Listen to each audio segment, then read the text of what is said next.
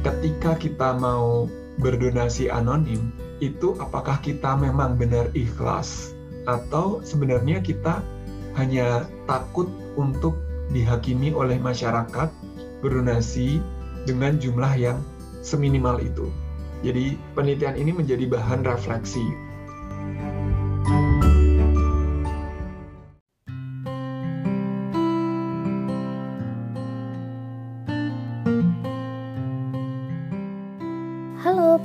podcast Mini Academy, setahun lebih kita merasakan pandemi. Menariknya, di masa-masa sulit bagi semua orang, kita tetap tergerak untuk meringankan beban sesama melalui donasi. Perilaku altruis atau intensi untuk menolong ini semakin dimudahkan dengan hadirnya platform online seperti kita bisa di Indonesia dan GoFundMe di Amerika Serikat.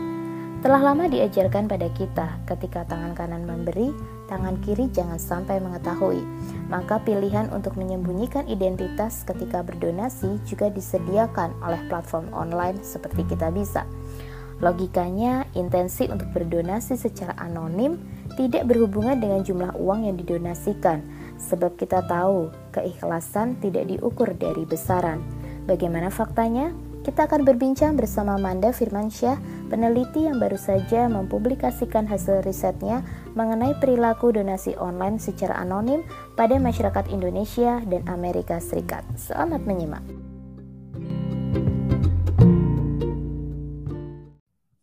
Halo Firman, apa kabar? Alhamdulillah baik Mbak Zaki, apa kabar? Alhamdulillah sehat. Terima kasih lo mau berkenan ini hadir lagi di Mini Academy lewat podcast. Sama-sama, terima kasih sudah uh, mengundang saya sebagai pembicara lagi. Nah, ini Firman, ini menarik banget teman-teman. Seperti yang tadi saya sampaikan di pembukaan, ada penelitian terbaru dari Firman dan juga rekannya yang juga kakak kelas saya, Mas Raffi. Berdua mereka meneliti tentang perilaku donasi anonim dan donasi bernama. Jadi gimana kita mendonasikan uang kita melalui platform online dan kita memilih untuk pakai identitas atau tidak menggunakan identitas alias anonim gitu. Bagaimana perbedaan donasi anonim dan donasi bernama ini antara masyarakat Indonesia dengan masyarakat di Amerika Serikat melalui platform online gitu. Di Indonesia menggunakan kita bisa ya Firman. Kemudian yeah. di Amerika menggunakan GoFundMe. Itu yang sama-sama besar gitu ya. Di Amerika juga GoFundMe itu relatif sama dengan kita bisa. Nah mungkin sebelumnya Firman dan ini donasinya konteksnya COVID ya teman-teman. Jadi yang diteliti adalah memang untuk donasi-donasi kasus-kasus COVID atau untuk membantu orang-orang yang terdampak COVID. Nah, sebelum kita bicara soal temuan-temuannya lah gitu yang kalau di papernya tuh menarik nih saya papernya udah berbayar ya hari ini ya Firman. Iya, sayangnya sudah masih berbayar. gratis. aku download waktu masih gratis dan Firman ingin berbagi nih ke teman-teman apa sih isi dari penelitian ini karena ini menjadi uh, bahan yang sangat penting buat kita semua. Apa Firman yang melatar belakangi Firman dan rekan untuk membuat riset ini, meneliti hal ini?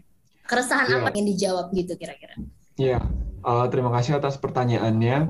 Jadi sebenarnya penelitian ini itu lebih bertujuan untuk mempertanyakan daripada menjawab pertanyaan yang sudah ada. Gimana? Jadi donasi itu udah menjadi bagian sehari-hari baik masyarakat Indonesia maupun Amerika ya. Apalagi di Indonesia dengan values dan culture dan juga berbagai nilai yang ada di masyarakat, kita didorong untuk berdonasi dan saat ini sudah difasilitasi dengan adanya donasi online melalui platform seperti di Indonesia yang paling populer yaitu kita bisa dan kalau di Amerika itu GoFundMe. Nah, penelitian ini ingin mengeksplorasi ketika seseorang melakukan donasi secara anonim itu apakah karena faktor-faktor yang bersifat altruistik atau ikhlas secara populer gitu ya. Jadi ingin bermanfaat untuk orang lain tetapi tidak ingin menghambakan atau mengakukan dirinya gitu ya. Jadi tidak ingin dirinya itu kemudian misalnya dikenal atau diketahui identitasnya gitu ya. Jadi lebih karena niatnya itu ikhlas atau altruis, niatnya murni untuk menolong orang lain. Nah, kita di penelitian ini itu ingin melihat apakah ada hubungan atau adakah sebuah korelasi gitu ya antara donasi yang anonim versus donasi yang tidak anonim dengan jumlah nominal yang didonasikan. Jadi kita berangkat dari sebuah ajaran bahwasannya kalau di Indonesia secara kultural ataupun secara agama itu kita diajarkan kalau tangan kanan berbuat baik atau berdonasi itu jangan sampai tangan kiri tahu. Jadi sembunyikan donasi kita gitu ya, hmm. perilaku hmm. baik kita. Nah, yang menjadi pertanyaan adalah ketika kita menyembunyikan donasi kita itu apakah memang benar karena niatan kita untuk ikhlas atau altruis itu atau sebab yang lain. Nah, dengan meneliti jumlah nominal yang didonasikan di kedua platform ini, kita bisa sedikit menjawab atau sedikit mengetahui tentang hal tersebut gitu. Jadi yang kita lakukan di sini kita membandingkan berapa orang yang berdonasi secara anonim versus yang berdonasi secara tidak anonim atau ada namanya. Kemudian kita bandingkan jumlah atau nominal dana yang mereka donasikan di platform tersebut. Dan kita fokus di hmm. COVID. Uh, kenapa COVID? Karena COVID ini kan kita bisa dikatakan semuanya sebagai korban COVID ya. Jadi meskipun hmm. kita tidak terdampak langsung, tetapi tetap kita terdampak secara tidak langsung. Kita tidak bisa dengan mudah keluar-keluar, hmm. makan di restoran atau berkunjung ke sanak famili. Jadi istilahnya kita semuanya kena dampak korban COVID gitu ya. Tapi di antara orang-orang yang menjadi korban COVID tersebut, baik secara langsung atau tidak langsung itu masih ada yang mau atau rela untuk berdonasi secara online. Dan di antara mereka yang berdonasi secara online masih ada yang mau atau ber, uh, secara sengaja itu menyembunyikan identitasnya. Nah, hmm. kenapa gitu? Nah, hmm penelitian ini. Menarik ini, aku boleh bilang mempertanyakan keikhlasan orang-orang ya Firman ya. Iya. Sedang mempertanyakan apakah kita benar-benar ikhlas. Nah tadi Firman sempat cerita sedikit, mungkin bisa diceritakan Firman, metodenya lah secara yang mudah dipahami oleh kita gitu. Gimana cara meneliti itu Firman? Iya, jadi di metode ini itu kita, jadi kita menggunakan metode kalau di istilah akademis itu disebut dengan uh, computational social science ya. Jadi part of the computational social science ini kita melakukan scraping ya atau kita mengunduh data yang itu hmm. secara publik itu available. Jadi kalau misalnya kita menuju websitenya kita bisa atau websitenya GoFundMe, kemudian kita klik any campaign gitu ya, kita klik campaign yang ada di sana, itu nanti akan muncul kampanyenya apa gitu kan, kemudian targetnya berapa dan juga siapa saja yang berkontribusi atau berdonasi di campaign tersebut. Jadi di situ ada namanya, kemudian kapan dia berdonasi dan juga nominalnya berapa. Itu terbuka dan publik bisa akses tanpa harus login di kedua platform. Nah, kita hmm. mendownload semua data itu atau istilahnya kita men-scrap data-data hmm. tersebut kemudian dari data tersebut kita identifikasi berapa orang di kedua platform gitu ya di masing-masing platform di kita bisa atau GoFundMe yang berdonasi secara anonim dan berapa persen yang berdonasi secara tidak anonim. Kemudian kita bandingkan jumlah um, nominal masing-masing donatur gitu. Jadi datanya datanya real banget ya mas ya datanya real sekali. berdasarkan pengakuan orang lu donasi berapa kemarin? Enggak gitu. Enggak jadi benar-benar kalau gitu. yes exactly. Jadi kayak kalau misalnya kita tanya misalnya pakai survei gitu ya kita tanya orang kamu donasi kapan? Uh, anonim atau tidak? Akan banyak ada bias ya. Mulai pertama uh. orang mungkin lupa kapan dia terakhir berdonasi jumlahnya juga mungkin lupa ya kan atau bisa juga fake. Kemudian niatannya pun juga bisa jadi tidak sesuai dengan apa yang sebenarnya ada di hati gitu ya. Apalagi Indonesia itu secara kultural sangat kolektif gitu ya. Kepatutan sosialnya tuh tinggi. Jadi ada kecenderungan manusia eh, manusia Indonesia atau masyarakat Indonesia itu ingin sesuai dengan norma yang ada di masyarakat. Jadi kita nggak pakai itu, kita nggak pakai survei, tapi langsung real data yang mereka tinggalkan gitu ya atau jejak hmm. digital mereka di kedua platform hmm. tersebut gitu. Jadi itu yang kita lakukan, kemudian kita bandingkan jumlahnya dan ya uh, dan kita fokus untuk campaigns yang di COVID. Jadi kita bisa bandingkan kedua negara ini secara garis besar gitu ya itu relatif sama apple to apple. Jadi hmm. sama-sama keduanya sedang mengalami pandemi COVID ini. Oke Firman, sorry aku balik ke yang soal terbelakang tadi. Terkait dengan masyarakat Amerika tadi, Firman sudah banyak bicara soal altruis, uh, ikhlas gitu di masyarakat kita, yeah. value kita gitu. Uh, kemudian kalau di masyarakat Amerika sendiri Firman, apa konsep yang kemudian melatar belakangi ini? Iya, jadi kalau di Amerika atau budaya Barat secara umum itu donasi anonim itu banyak dikaitkan sama altruis ya. Jadi kayak orang yang ingin berdonasi ini murni ingin menolong orang lain, tidak ingin identitasnya dikenal gitu. Karena dengan identitasnya dikenal itu jadi mungkin bisa kayak mengurangi kadar altruis tersebut gitu. Jadi akhirnya orang nggak murni lagi ingin menolong orang lain. Tapi tidak bisa dipungkiri juga ada beberapa riset yang mengatakan bisa jadi orang melakukan memilih untuk berdonasi anonim ini ini karena tidak ingin dihakimi oleh masyarakat. Tidak ingin dihakimi ini bisa berarti positif atau negatif. Jadi misalnya dia tidak ingin dihakimi karena donasinya terlalu kecil atau donasinya terlalu besar gitu. Jadi hmm. menariknya tuh kalau di sini kalau di Amerika di dunia barat itu juga kadang orang memilih untuk berdonasi anonim karena dia tidak ingin donasinya yang jumlahnya terlalu besar ini diketahui hmm. orang lain gitu jadi hmm. kayak oh itu kok orang donasinya besar sekali ya ada apa kayak gitu gitu oh, jadi oke oke Oke, nanti kita bicara sampai ke temuan ya. Tapi itu secara konsep kan berarti sama ya sebetulnya ya. Walaupun kita mungkin pakai belief agama, Iya. Mereka, aku melihatnya kan kalau masyarakat Amerika memisahkan itu gitu ya. Maksudnya belief iya. agama tidak sekuat kita gitu, tapi iya. altruis itu sama sebetulnya. Nah, iya, lebih kayak, kayak lebih kayak ke universal values. Universal kalau values. Di, okay. uh, dunia barat ya, tapi kalau di hmm. Indonesia kan lebih karena ya ini ajaran agama hmm. atau okay. ya lebih cultural kayak gitu. Iya. Nah, nah temuan menariknya apa aja Firman setelah kamu ini mengunduh ya. jejak digital itu tadi. Iya, jadi temuan menariknya adalah jadi memang secara norma gitu ya, norma di Indonesia itu berdonasi itu secara anonim. Karena dari yang kita temukan, jadi kita jumlah sampel di sini itu 20 ribu, 10 ribu Amerika, 10 ribu Indonesia.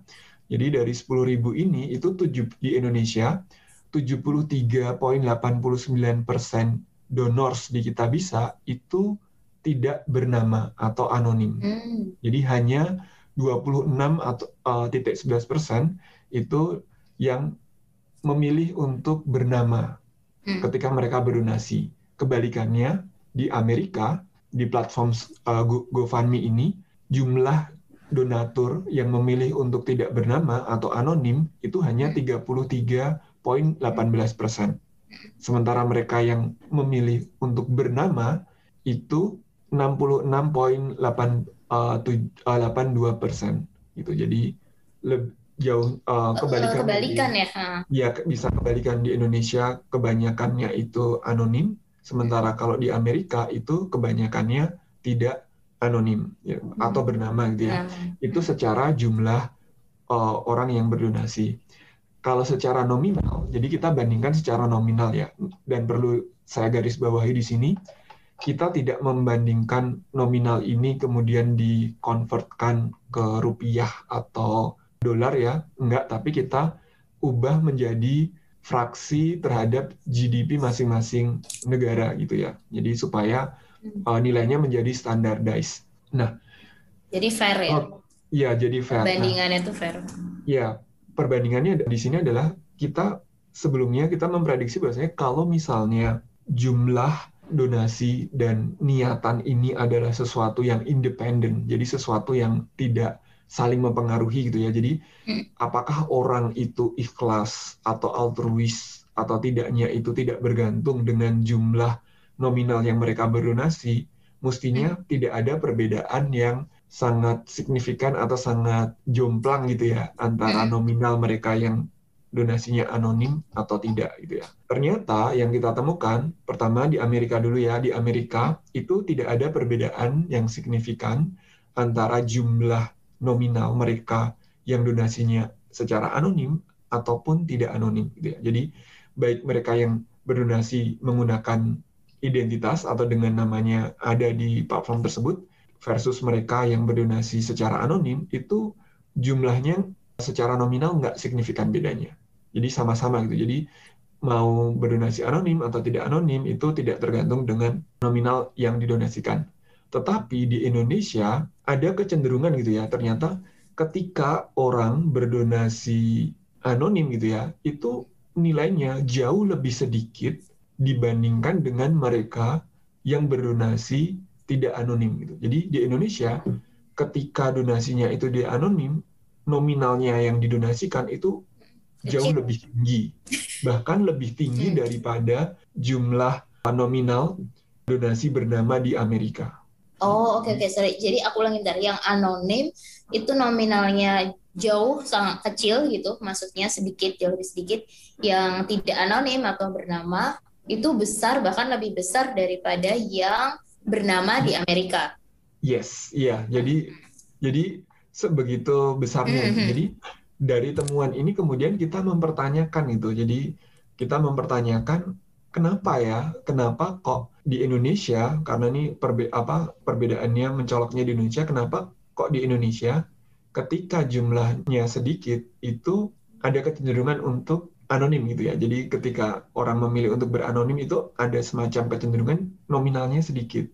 Ketika tidak anonim itu nominalnya tinggi. Kenapa gitu? Jadi kalau misalnya memang benar ini itu adalah pilihan ikhlas atau tidak, bukan yang independen, yang harus ya, independen tadi. ya, independen harusnya jumlahnya tidak signifikan dong seperti di Amerika.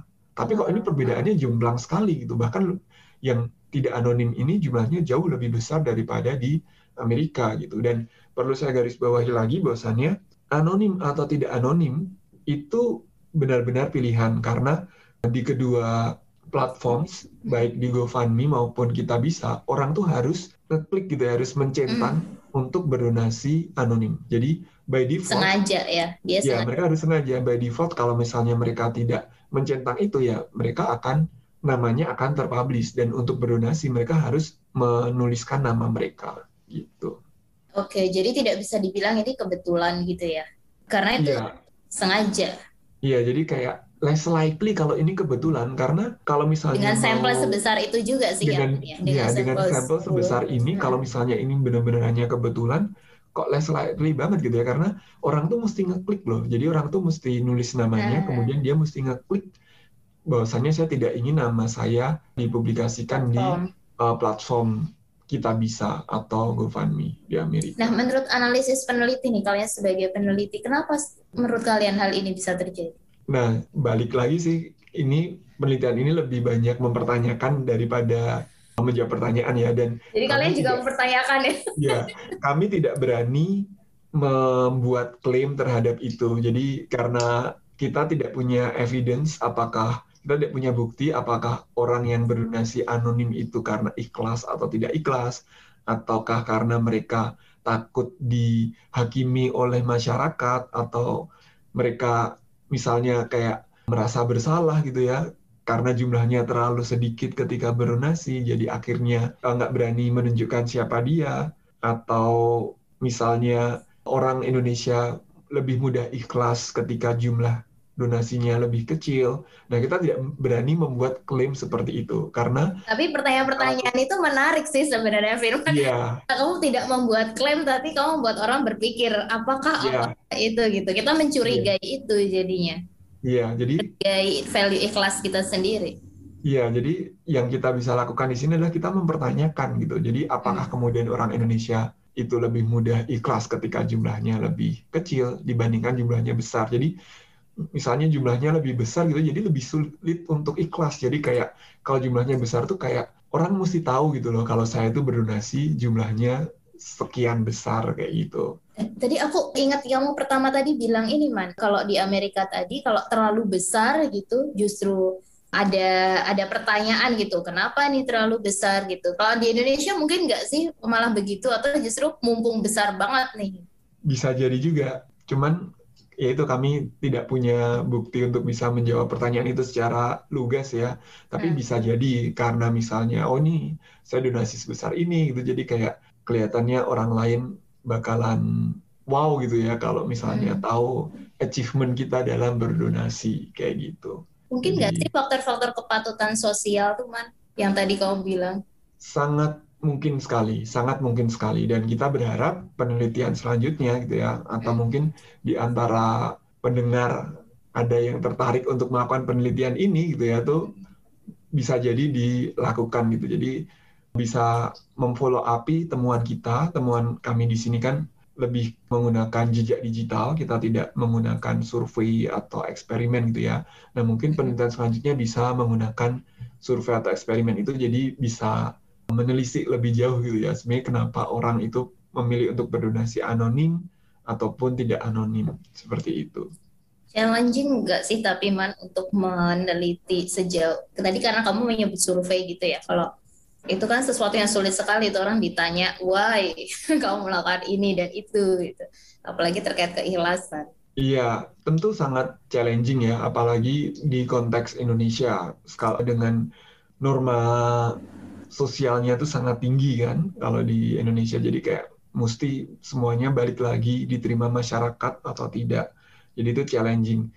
Barangkali salah satu strategi yang bisa dilakukan gitu misalnya gitu menggunakan eksperimen langsung di platformnya gitu ya tentu dengan kaidah-kaidah etis yang harus dipenuhi gitu jadi misalnya kita bisa sebagai platform itu bisa bekerja sama dengan peneliti untuk melakukan eksperimen ini gitu hmm. dan ini mumpung ada di podcast hmm. saya garis bawahi juga mungkin kita bisa bisa tertarik untuk join gitu ya, berkontribusi nah. menjadi sponsor penelitian seperti ini.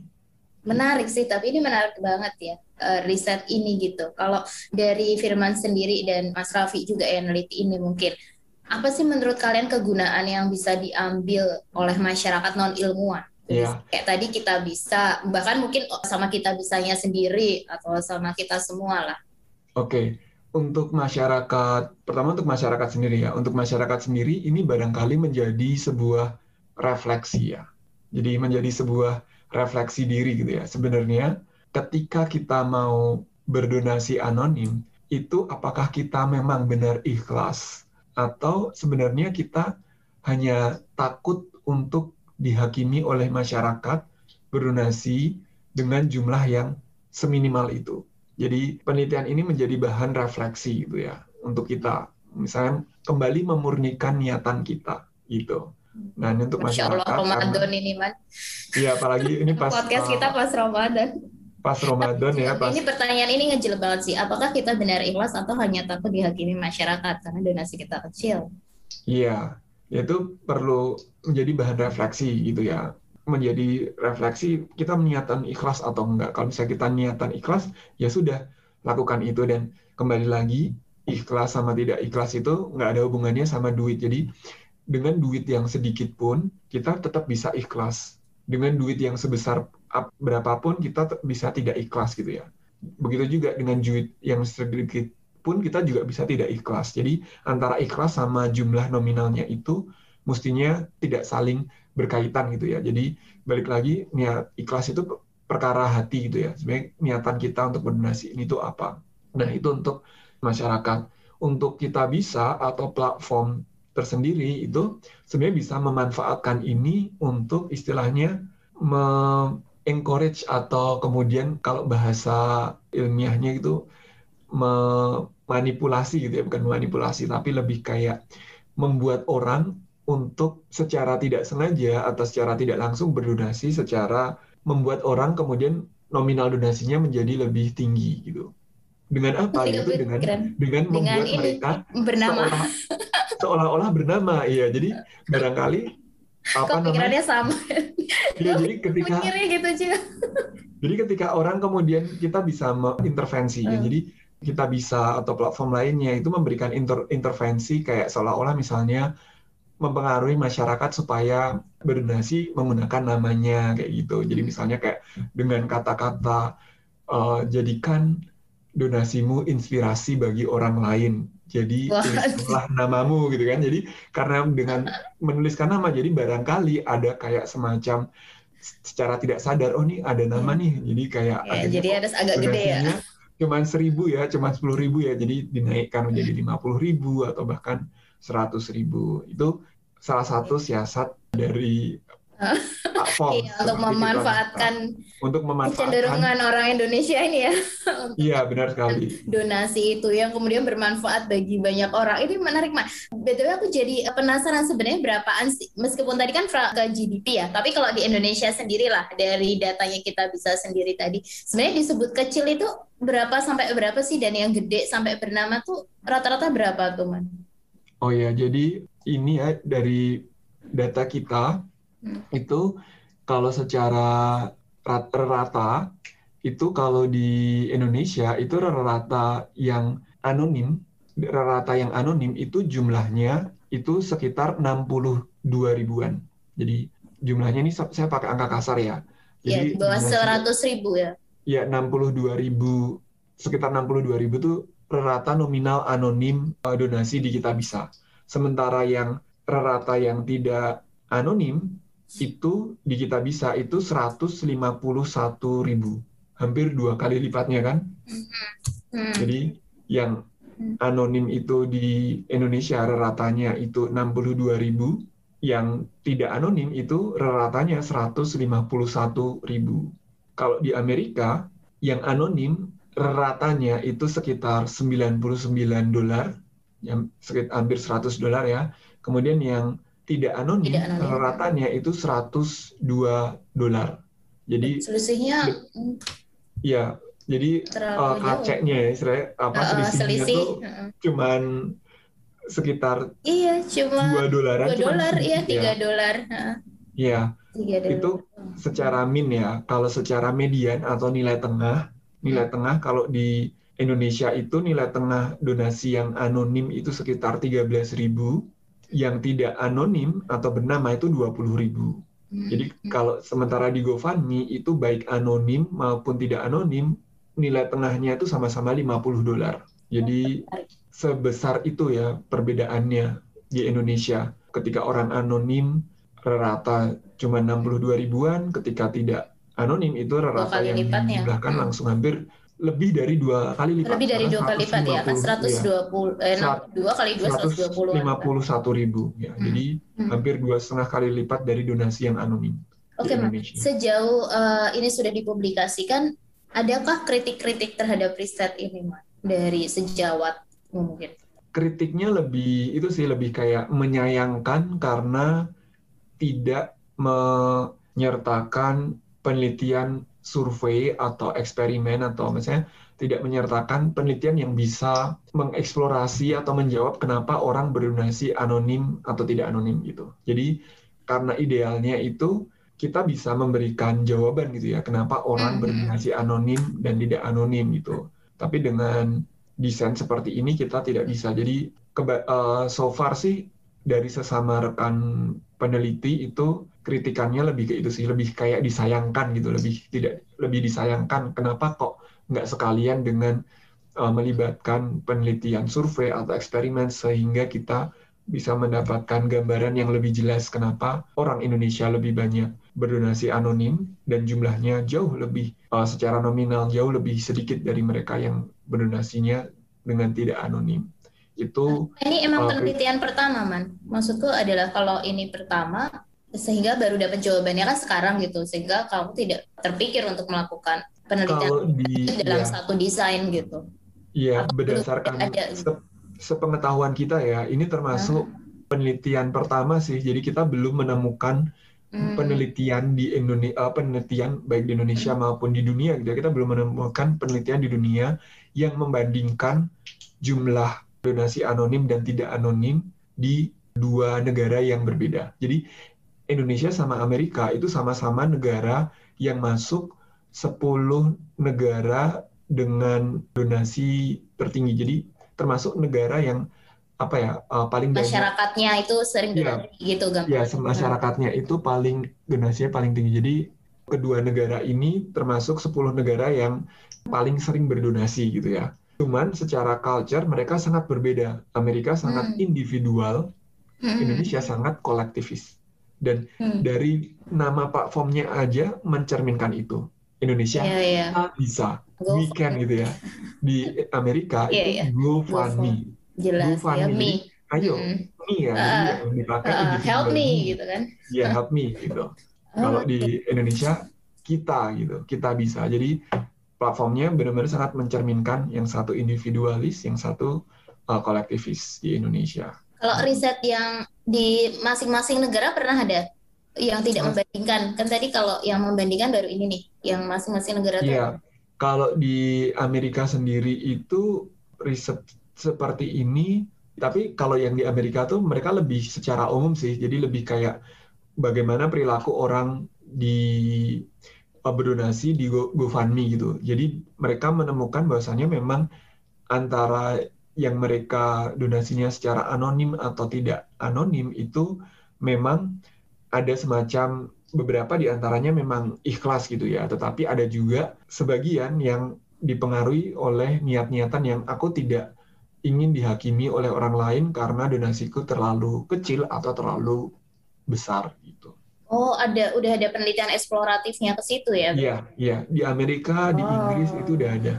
Di Inggris juga ada. Jadi kayak di Inggris tuh kadang oke. ya itu menariknya mereka tidak mereka berdonasi anonim tuh karena nilai ekstrim gitu ya. Jadi baik ekstrim Hmm. kanan atau ekstrim kiri gitu ya. Jadi ekstrim terlalu tinggi atau ekstrim terlalu rendah.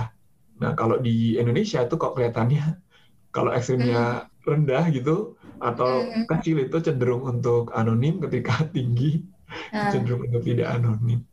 dan berarti belum ada yang meneliti ini khusus di Indonesia ya? Belum di Ya. Indonesia belum belum ada. Padahal itu tadi aku mencatatnya kan yang Amerika aja anonim tidak anonim sebenarnya tidak signifikan kan, tapi dari Iya. penelitian lebih lanjutnya tuh tetap ada gitu ya faktor-faktor yang membuat mereka pengen anonim gitu atau Iya. pengen tidak anonim gitu. Apalagi yang menjadi menarik adalah apalagi dengan temuan di Indonesia yang perbedaannya sangat signifikan tuh antara yang anonim dan tidak anonim semakin Yes. bertanya-tanya. Dan Iya. riset ini memang untuk mempertanyakan siapa yang akan menjawab. Mungkin Firman ada rencana lagi untuk melakukan penelitian lanjutan. Iya, ini hopefully kalau misalnya ada di antara rekan-rekan yang mendengar ini tertarik dengan isu ini, dengan topik ini gitu ya, itu kami sangat dengan tangan terbuka untuk berkolaborasi, apalagi barangkali kita bisa mau turut andil gitu ya untuk berkontribusi di atau platform online lain. Kita ada apa itu? Akva, apa sih? ACT for oh iya itu ada itu aja juga. maksudnya yang benar-benar itu Islam ini banget ya kuat banget ya. Maksudnya belief agamanya kan di situ kuat. Ada Iya. banyak gitu ya kali kalau mau pada diteliti semuanya gitu Iya. ya Mon. Iya, kalau misalnya ada badan atau kemudian platform lain juga yang juga tertarik untuk melakukan penelitian ini, kita more than welcome gitu. Maksudnya kita Hmm. sangat dengan tangan terbuka untuk uh, berkolaborasi gitu. Dan ya penelitian ini kita tidak dapat funding ya, jadi kita tidak menerima funding Hmm. sponsor dari mana pun. Hmm. Jadi ya di satu sisi itu bagus untuk secara independen ya, maksudnya kita tidak Hmm. dipengaruhi oleh sponsor gitu ya Hmm. Tetapi juga dengan adanya sponsor barangkali kita bisa melakukan penelitian yang lebih uh, apa ya secara metode barangkali lebih kompleks dan lebih menyeluruh gitu. Oke, Firman mencari donasi untuk penelitian berikutnya. Sampai mau berdonasi kepada Firman. Iya, Firman, ada tambahan yang mungkin ingin disampaikan, Firman? ya. Barangkali yang ingin saya sampaikan gitu bahwasannya ikhlas dan tidak ikhlas itu tidak bergantung dengan seberapa besar nominal yang kita sumbangkan. Dengan jumlah yang kecil pun kita bisa tidak ikhlas. Dengan jumlah yang besar pun kita bisa ikhlas. Jadi yang ingin saya sampaikan adalah marilah kita refleksi masing-masing ketika kita berdonasi dan ketika kita memilih anonim, barangkali kita berpikir lagi gitu ya, kenapa kita anonim? Apakah kita memang berniat untuk ikhlas atau memang ada sesuatu yang ingin kita sembunyikan? dan pun juga kita tidak boleh menghakimi orang yang berdonasi dengan menggunakan nama sebagai orang-orang yang tidak ikhlas karena bisa hmm. jadi mereka memilih seperti itu barangkali untuk menginspirasi yang lain. Kita tidak pernah tahu. Jadi hmm. yang ingin saya sampaikan balik lagi sebelum berdonasi barangkali kita ambil satu atau dua menit untuk berefleksi niatan kita di sini apa. Itu. Oke, terima kasih super sekali Manda Firman. Gofan Firman yang akan mencari donasi untuk penelitian berikutnya biar kita bisa tahu secara menyeluruh gini karena ini penting buat kita semua baik secara kolektif kelembagaan ketika kita bikin platform atau lembaga apa pun lembaga donasi dan bahkan untuk diri kita sendiri dalam konteks apa pun karena ikhlas dan tidak ikhlas altruis tidak hanya pada donasi di COVID-19 aja tidak hanya pada donasi doang tapi juga mungkin pada banyak hal dalam kehidupan sehari-hari kita. Terima kasih banyak Firman sudah hadir. Sama-sama. Kita Terima tunggu ilmu-ilmu Firman berikutnya. Terima kasih pendengar setiap podcast Mini Akademi sampai ketemu lagi di podcast selanjutnya.